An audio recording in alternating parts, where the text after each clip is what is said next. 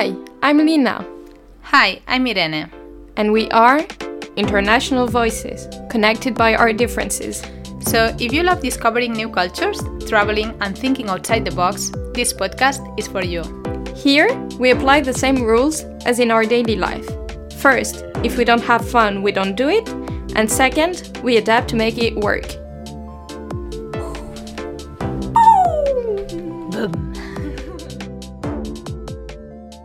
In this first episode, broadcast by Radio Lu, we are going to introduce ourselves a bit, uh, our passions, our hobbies, our sins. now, but for real, we hope you get to know us a bit better. And right now, we are living in Sweden, but I'm from Spain. And I'm from France. So we will explain how we arrived here, why, what are we doing, and all this in the middle of a global pandemic. So, Lina, uh, would you like to make the honors, uh, introduce a bit yourselves? What are you doing here? Uh, what were you doing before? Okay, so hi everyone. My name is Lina. I'm 21 years old, almost 22, and I'm from France, but my parents are from Morocco um, before to come here in Sweden, I have a background that is a bit chaotic. Like it got messed up in the way. At first, everything was fine. Everything had sense. I was um, studying uh, literature in high school, and mm-hmm. I had a literature diploma. After that, I continued in the literature field, studying uh, literature, of course. I've said literature too many times already, but whatever. uh, philosophy, history, geography, and a lot of things like that. And then this is when it started to get messed up. Uh, I volunteered uh, in the summer in Romania and I did a lot of communication. And I thought at this time, why not try to, to move from literature to uh, communication. So I tried to change, to switch the field of my studies. And it went well at first because I applied for a work training program in university. So it was one week at uni, one week uh, working for a company. And university accepted me, but I couldn't find a company to work with. Mm-hmm. And since it was work training, uh, with no companies, I couldn't go to study anymore. Uh, so my entire year went free, and I was thinking, okay, I have one year now before to apply for uni again. What can I do? I decided to do a civic service. It's a French program in which you're uh, volunteering and you're paid for it. Mm-hmm. Uh, you have a project for like trying to improve society a bit. So I was working with uh, young people who were dropping out of school as a bit as a mentor. I had to help them with their tasks and so on. Mm-hmm. And this you you did it in France, right? In France, mm-hmm. yeah. So I was doing it there, and I had also a big part that was about urban agriculture. And then it lasted for a year, and then I applied to uni again uh, and I got refused this time. So I was thinking, okay, another year that is free. But this time I was quite happy about it because I was in between two options. It was either studying or uh, going abroad. So actually, when university sent me an email uh, saying like, sorry, we cannot have you there and stuff. I was super happy. and the exact same day, I started to apply for Sweden, Lithuania, and all kind of projects.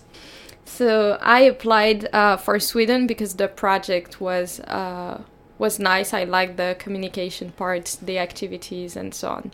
Mm-hmm. And this is uh, the way I came here in Sweden. Nice, and I think it's it's fun that like when they said no actually you were happy about it yeah it was the uh, best day of my life because almost. yeah this opened you the opportunity to do something else abroad and to uh, to do another volunteer in another country exactly so mm-hmm. i was super happy about it my mother was a bit less happy i remember i told her i think i will go abroad and i just said i think i will go abroad but this time I've already applied for like five projects. And she was like, No, you will not. So I said, okay. And one week later, I was like, oh, I have an interview for a company in Sweden. And she was like, oh, okay, fine, nice, and stuff. So I didn't even had to fight for it. She was like, mm-hmm. okay, you yeah. do you. And she just let me go. So that was that was very nice. Nothing too complicated, despite of COVID, of course. Yeah. What about you? What were you doing before? Okay, um, let's see.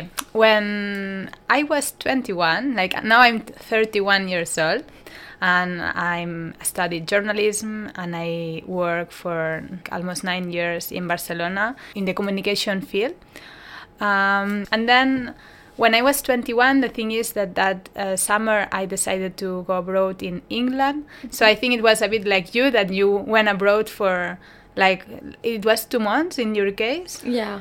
Yeah, for me it was the same. Two months in England, and I was doing a volunteer in a radio, and I loved the experience. Like I loved uh, being abroad, getting to know another culture, uh, meeting people from other countries, and I love it. But it felt that it was too short. That when I was actually enjoying it and I had friends there and I had like starting a life there, then I had to go back. so then, uh, since then, it was when I started thinking, okay, I think I would like to go abroad for a whole year mm-hmm. to experience it. Um, and then, well, then I start uh, working as a journalist in Barcelona, and then I don't know, I just keep working and working, and I never saw the moment to to do a volunteer abroad because I was prioritizing work but i had this idea in mind and then uh, i knew that this uh, program that we are doing with european solidarity corps you can do it from 18 to 30 years old and I was 30 years old. it was so, now or never. Yes, it was like now or never. And then one of my friends, uh, Bo, she's from Poland. I knew her through another volunteer that I did during the su- another Hi, summer. Bogu. Hi. yes, and the thing is that she, at 30 years old too, decided to do a volunteer abroad in Barcelona, mm-hmm. and then uh, she inspired me to to take also the same decision and say, okay, I will I will do it. Like it's now or never.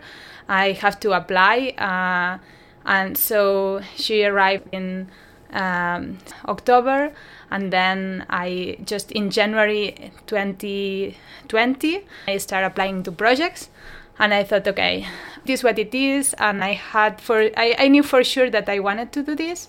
And and I just took the decision, and no matter what, I knew that I I would have some challenges. And i knew that okay i will ask for an unpaid leave in my job. Maybe they say yes maybe they say no. I will leave my flat in barcelona where i was living for seven years already in that flat that it felt like my home. So i said okay i will leave the flat i will move abroad and i had it like for i don't know i it was something that i really wanted to do and i felt that if i didn't do it i would regret it and I was turning 31 in July, so I had just half a year to find a project and, and go abroad uh, because you have to apply before this age. So, yes, and then at February, finally they said yes here in Sweden in a NGO in the communication field. So, I really like all the project, and also I wanted to go in a country that was uh, like in a Nordic country, so I could see really a different culture yeah, that's strange from somebody from Spain, you know, to be like uh, fantasizing maybe mm-hmm. uh, Nordic countries. Yeah, and actually, like I had it very clear that I didn't want like Italy or Portugal. Uh-huh. Like I wanted the change, and I I don't know why, but I always felt like kind of an attraction with Sweden. Mm-hmm. I also when I was like 21 or so, like or 20 something, I visit a friend in that she was doing uh, an au pair experience and I visited her in Stockholm. Mm-hmm. and then I felt like wow I love Stockholm. I love like the Nordic cultures and I would like to get them know more. So I, I found both of these two things no? Mm-hmm. that it was in, in a Nordic country and a volunteer abroad for a year. Um, yeah so then I got the answer from the NGO in Sweden and I was like, okay, perfect. I told uh, I told my boss. I asked for an unpaid leave. They said yes, thanks God. and I asked for one year and a half because I prevent a lot. Mm-hmm. just in case, I thought, okay, it will be one year, but just to have more time, one year and a half. And you did good. Yes, yes, because then uh, they said yes, and then I talked to the landlords of the building that where the flat I was living, mm-hmm. and I told them I'm leaving the flat. And my uh, boyfriend at the time, the day that I got the acceptance uh, here in Sweden, that same day we broke up. oh wow. so it was like okay like life is changing and then after like one week or so start like the global pandemic wow. and i was like okay the world is ending. I don't know. What am i doing with my life? I just quit the job. I just left the flat. And then we started the lockdown in spain. And i moved to my parents house in my hometown in a small uh, town in Agramunt and I moved with them because I don't know, for me it felt safer than stay in Barcelona mm-hmm. in the middle of a global pandemic. And yeah, and suddenly I was like 30 years old without the job in my parents' house and with the partner I had we just break up and I was like okay no what that's, that's interesting but no the, at the end uh, well and then also I got a message from Sweden saying okay we're going to postpone the project half a year wow. And I was like, okay, if it's just postponed and not cancelled, that's already something. And so then I don't, I don't know why, but I had like a certainty um, that I would actually go to Sweden. I don't know why. I felt it like, okay, this will happen. And I know some people they told me, okay, you need a plan B. And I was like, no, no, no, you don't understand. This is the plan. Like I'm going to Sweden, no matter what. It took me 10 years to take the decision to finally go abroad. And I'm going. Like I swear. And I was like, okay, let's see. But obviously at that point, uh, everything was a chaos and we were not sure about anything. But everything turned out well. And in August, uh, that I was already 31, finally I could uh, come here to Sweden to do the volunteer. So it's a bit long, the story, how I arrived, but I think that uh, it's interesting because sometimes like it's not that easy and yeah. you have to face some challenges even if it's something that you really want to do. That's nice that you could make it yeah. still. yeah. Okay, so now that you had an overview of our formal background, our studies, etc., uh, we selected a bunch of questions to try to make it a bit more fun, original, and uh, personal. So let's start now. And I have to precise that, like, I know about the questions, but I don't know about the answers yet, so it will be a surprise for me too. Irene. First question. You scare me. no, no, no, it's fine. Don't worry. There's no bad answers. Uh, tell us something weird about you that uh. you do. Let's start with this one. Okay.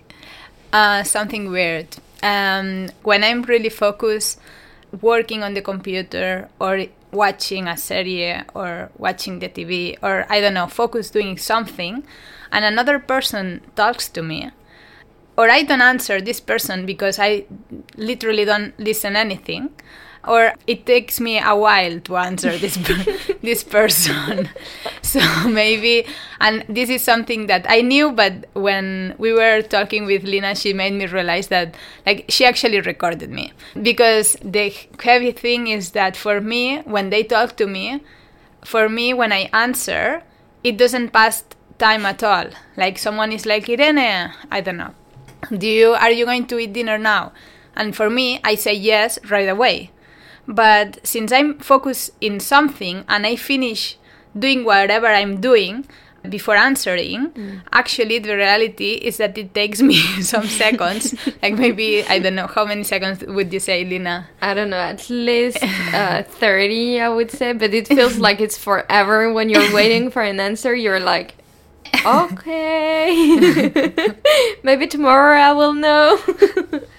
yes, and this actually is something that my father does too. And my mother always tells uh, both of us, like, okay, you're doing the same. Yeah, it's a bit surprising in the beginning, but then we get just used to it. It's Irene's rhythm when she's focused on something. okay, next question. Mm, do you collect anything? Uh, yes, I collect uh, snowballs from uh, different countries. So the first that I have, I was nine years old and I went to Paris actually. Ooh, nice. And this is the first snowball that I have. And then after that, I continued collecting snowballs, and now every time I travel to a new country, or even if, if in a country I'm in different cities, I buy the typical snowball of the of the city, and then in my house I have a shelf with all the mm-hmm. snowballs that right now is pretty full at this moment. How many do you point. have? Oof, I have no idea. Maybe more than forty. I Oh, don't know. wow. Maybe, and not all of them are mine because then friends and family, Mm. when they travel, they start bringing me snowballs too. That's Yeah. nice. Uh, do you have any favorite, or is it like kids, like you love them all? Uh, no, but I have some favorites. The first one from Paris. With this, I have like a special. I don't know. Yeah. It's special. And then I have one from Hollywood that I really Oh, like wow. because it's really cool. The snowball. and uh, I guess I will like the ones that I have from Sweden now too.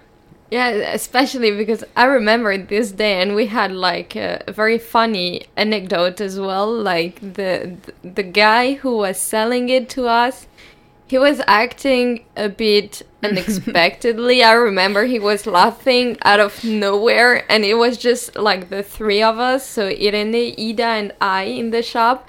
And then this guy was like, it, he was very serious, was and then weird. suddenly he was doing ho ho ho ho ho ho ho like that, and I was looking at Irene and Ida, and I was thinking like, what the hell, like, and I didn't know how to behave. I was so close to just laugh, like explode in laugh, and I had to go out of the shop because I couldn't control myself. So it was, I think it was very funny too. Yeah, because we were in Malmo, and and then I just said, okay, I need this snowball, and in this shop, it apparently they have it, so let's check it out.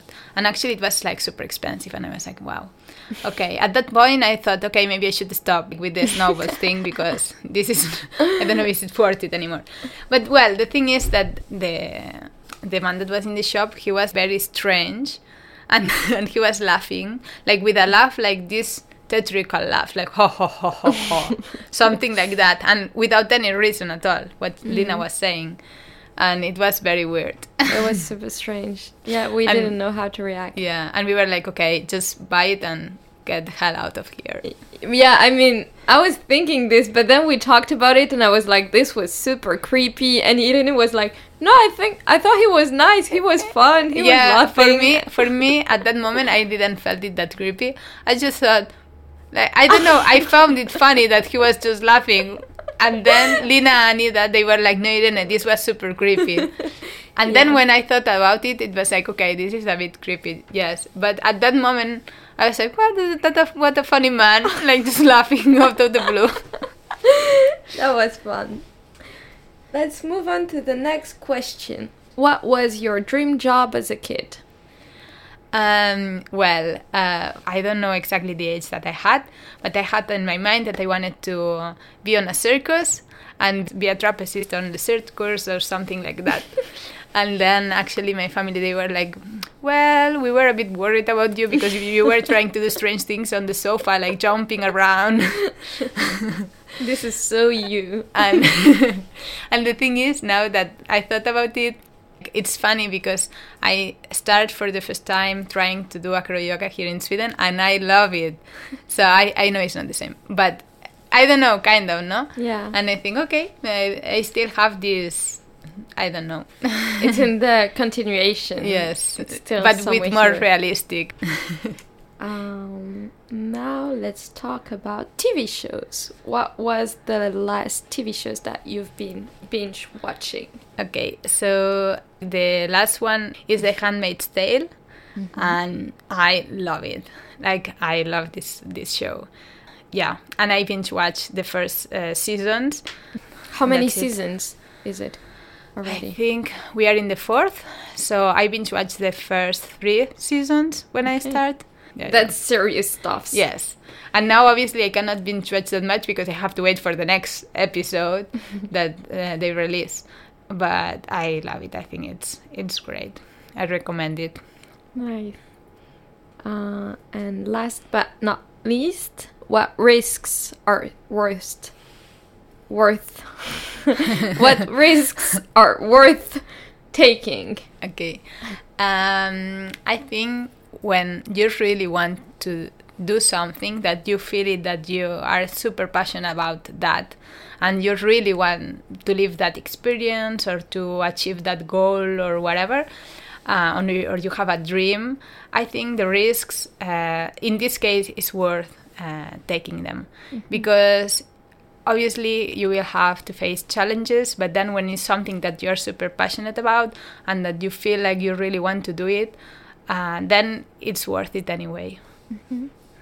Yeah, I think it's it's a big struggle like to know like at what point to stop, when is it too much, when is it just part of the game anyway. yeah that's true. When you're facing uh, struggles, it's super hard to decide on just keeping moving on or just or Giving up continuing. or- yeah. yes. Yes.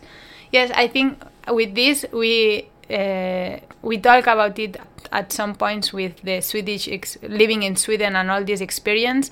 And when i decided to do it i always had in mind okay if i do that but if at some point i feel like i don't know it's too hard i don't like it i'm not enjoying the daily life uh, because sometimes it's a dream that you have, but then the reality is another thing. You have this dream and you want this this experience, but then the daily life, uh, when you experience it, and when you experience the Swedish winter, and at two it's super dark, and at two in in In the in afternoon. In the afternoon, and it's dark as hell in winter, and you're like, okay, mm, day after day, and it's super cold. Um, so this is the reality, and then I always thought, okay, I will do it, but if at some point I feel that I'm not enjoying it and I it's all actually painful to have this experience, I will quit. But then when you're living it, uh, it's very difficult to know, okay, I'm uh, struggling, but should I quit now or not? Like uh, for me, it was difficult to. Uh, during winter to to know about that uh, to know if it was enough like and i don't know about you if you felt something like that Yeah, it, it's it's super hard to know about your limits, like specifically. Okay, what can I uh, take and what can I not take? And especially when you're tired of something, then it's super hard because if you quit, it's forever. You know. So mm-hmm. sometimes you feel like okay, maybe like winter will not last forever, so I can just keep Going. living. surviving yeah, I can survive for now, and and everything will be better. Hopefully in spring or easier at least. So yeah yeah, it was hard for me too. The the winter. I think we need one episode Yes, dedicated definitely. to winter in S- Sweden because Yes. that's something. Yes. yeah. Okay. My turn now.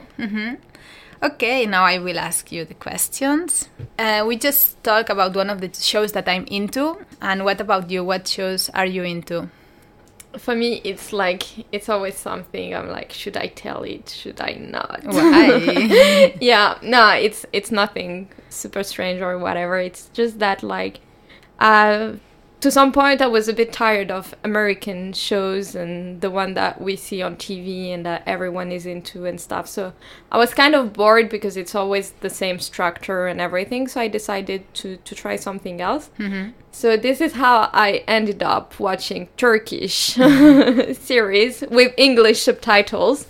So it was a bit uh, strange to have Turkish in my ears and mm-hmm. English to read. So it took me quite a quite a while before to get used to it. Uh, so yeah, I'm into Turkish series, and I'm also watching a lot of Korean dramas. So yeah, I like I I decided to to find my happiness somewhere else than in the US and I have a goal that is to try to watch at least one series per uh, country oh i really like that yeah because it's it's a way to travel kind of to discover new cultures to um, be in an immersion in a country with the language the traditions the lifestyle and so Yeah. on. I know it's not a hundred percent representative but it still offers something. Yeah, and I, I think it's true that sometimes we just end up watching the series like the the mainstream. Yes, exactly. Yeah. And then we kind of lose the yeah yeah so it's the other nice to countries see ones. yeah Yeah, and also you listen them with the original language, right? yeah definitely so i'm learning Okay, quite some nice. words i could That's I can pretend for like 30 seconds. Actually, in, in Spain, we have the culture of just um, translating all the Mm-hmm. series and listening them uh, always in Spanish. yeah. And we don't listen in the original language and i think that we should start listening with the original language because then it's easier if you want to learn english or if you want to learn i don't know italian or another language you just starting to do that it helps you a lot Yeah, it's the same in France. It's always uh, doubled. So, like, you remove the original sound and you put French voices instead. Yeah. And we always have this debate with my friends. like, I'm the annoying one who always wants to see it, like, original version. And some of my friends are like, I'm too lazy to read. Like, it's not worth it. Let's just watch a French movie then. yeah. Yeah. But we're getting there. We're getting there. okay so what is the next place on your travel bucket list and why hmm. That's a hard questions. There's so many places I would like to go now. I think the next one, of course, after Sweden, it's my home country. Like just to, to go and say hi to my family after one year, it would be nice. But I think I don't have any specific countries in mind. But one of my friends uh, told me, okay, when you're back, we have to go to Norway. It's amazing, and let's just visit this. And I said, no way, not Norway, no way. norway in, in winter Definitely not. I told her, cold countries, I'm out. I want had enough. something. Yeah, I've had enough. I want something sunny. I want something hot. I want a country in which I can uh, wear uh, shirts and that's it. No, no coats, no nothing anymore. So you are invited to, to spain yeah, I, I would say maybe Spain or Italy or some more uh, hot, warm countries. Yeah. That would be nice. Yes. Um, has your personality changed since childhood? Yeah, I would say yes. Uh, I think a lot, maybe, because I was very introverted. I was very calm. And I think those are some aspects that I still have in life because some people see me as a very calm person. But some, like, I wouldn't say right now that I'm introverted. I would say I'm more extroverted. I like to go to people, to talk with them, and to have fun. And sometimes I'm a bit loud. And I like to be energetic, enthusiastic. So I think it's it's a big difference because I was more in my bubble. Let's say I, I had my own universe. I was very into uh, art, and I would I would like to spend time alone by myself. And I was a very serious kid, but I think it changed a bit, and now I'm more open to Yeah. to the outside and willing to go and live experiences and talk with people and so on. Yeah, I see you as very extroverted. Yeah, that's crazy. Like Yeah. the switch. Mhm. Yeah. And what are your best memories of the year 2020, especially because it was like a very rough year for everyone and very with a lot of changes? Yeah, I, I have a lot of good memories actually uh, from 2020 uh, because I kind of now everyone will hate me for saying this, but I kind of enjoyed quarantine because so I, I spent it in France uh, at the beginning of 2020 until September. Uh, so I experienced the lockdown. Uh, I stayed at home for like three months straight without going out because my parents were grocery shopping and so on. And I, I kind of enjoyed it. I would say because I have a lot of family memories. We were playing, you know, we were uh, having dinners together, we were watching movies and so on. So I would say, yeah, I enjoyed those uh, little things in life, those little moments in which we shared, especially because I have uh, young little brothers. One is two, almost three, and the other one is uh, five years old. So it was very nice to have them at home and uh, to do the homeworks with them and so on. Like my little brother is so stubborn. I would say, okay, this letter is A, and he would say, no, it's B, and I would say, no, it's A, and he would say. Why? like, who are you to say it's A and not B? So we had kind of our hard times as well, but that was, yeah, that was very funny. I enjoyed it a lot, and I hmm. I miss it a lot now. Mm-hmm.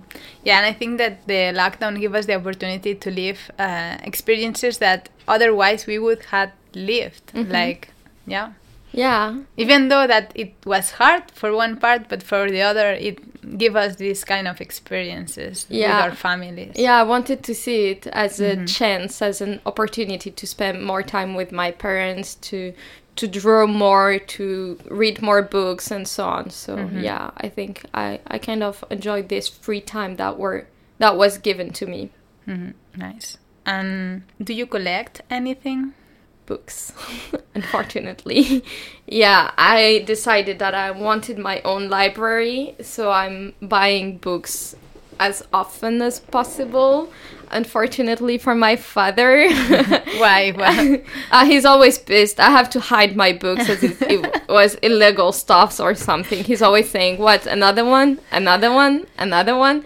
And I remember when I had to pack my suitcase for Sweden, I had so many books I wanted to take with me, and I'm not talking about novels. I'm talking about those thick books that are like 500 pages. And my mother was doing my suitcase for me and i was bringing books on the table and she was like this one and this one and another one? And she was like no impossible. No no no. So i had to remove some shirts some sweaters some clothes to actually bring more books with me and i'm i'm quite happy with the choices i made And I think it's interesting because in my case, my father is the one that collects books, and we Uh-huh. have hundreds of books at home. But I, I love books too. Mm-hmm. Uh, but then he's pissed uh, with me because I don't know why I keep collecting candles. I love candles, and then I keep buying them, and also how you say taza, like um, mugs Max. And then also Max. And then at some point he was like, Another candle? Another mug? What's that? Why do you need them? Why do you need And I'm like, No, but this was cute. I like it. I just saw it. And this has, I don't know, this special thing. And then with the candles, he was like, One day you will burn the house with all the candles that you're buying. I, so it's fun. Mm. Okay, so then we said that we would like to talk about the European Solidarity Corps program, the volunteer that we are doing. So I think this could be interesting if other youth are listening to us and maybe they they would like to do uh, an experience abroad and a volunteer abroad. So we are going to explain a bit how it works, what is it, and how they can do it. If you want to explain it, Lina. Yeah. Um, so we are- here in Sweden thanks to the European Solidarity Corps. It's a platform, it's a European program in which you can apply as a volunteer for a project and you get money for it. So basically, it's a bit like an all-inclusive uh, stay in in another country in Europe, in which, uh, in exchange of like six, seven hours a day of working for an NGO, you have your tickets, um, flight tickets that are covered. You receive uh, monthly money, and you have the house, the accommodation that is given to you and usually like a bus card or a bike so that you can move around and go from your uh, accommodation to the workplace and there's a lot of projects. I mean nowadays maybe a bit less because of covid but you have plenty opportunities like in the communication field. You can work in the in a radio for example. You have some things that are about education so you can work in schools. There are some mm-hmm. stuffs that are more practical let's say. So you can i don't know build a, a in romania where i've been they were building a, a van for kids so that it was like a kind of a youth center in the van with a library and so on. And they can do activities or something like that. Mm-hmm. So there's plenty of projects you can apply and it's quite easy you just go to the european solidarity corps uh, website and then you can choose it's like a regular uh, platform in which you can apply for jobs basically Yeah. Yeah, and you have like you just uh, upload your CV and introduce all your information, and then you're ready to apply to the projects. It's easy. yeah Mhm. it's easy and it takes uh, it doesn't take much time before you get contacted, and then Yeah. everything yeah. is super fast. If they like your profile, they contact you and they interview you. Yeah. So, and then when they say, yes, okay, uh, we like your profile and you can come to work with us, um, you, you have a sending organization from your country. So you contact an NGO in your country that uh, will send you to the other country. Yeah, so they can help you with the administrative parts Yeah. and like to apply for a Cigna, the health insurance, this kind of things. yes. And then you're ready to go. and ready to go. And this is, uh, as we said before, you can do it from 18 to 30 years old, and before 31, you still can apply for projects. So if you're 30, it's not too late. It's not too late. You can take the last train. Okay, so now that you know everything you have to know to volunteer abroad, we can close this episode and we hope you enjoyed it as much as we did. yes, thank you for listening. And remember that we publish our episodes every Monday. So, yeah, hopefully uh, we will see you in next one. Hey do! Hey Stay tuned! Bloopers. And we are International Voices, the podcast for people who see multiculturality as the source of enrichment, not division. It's so long. It's so awful!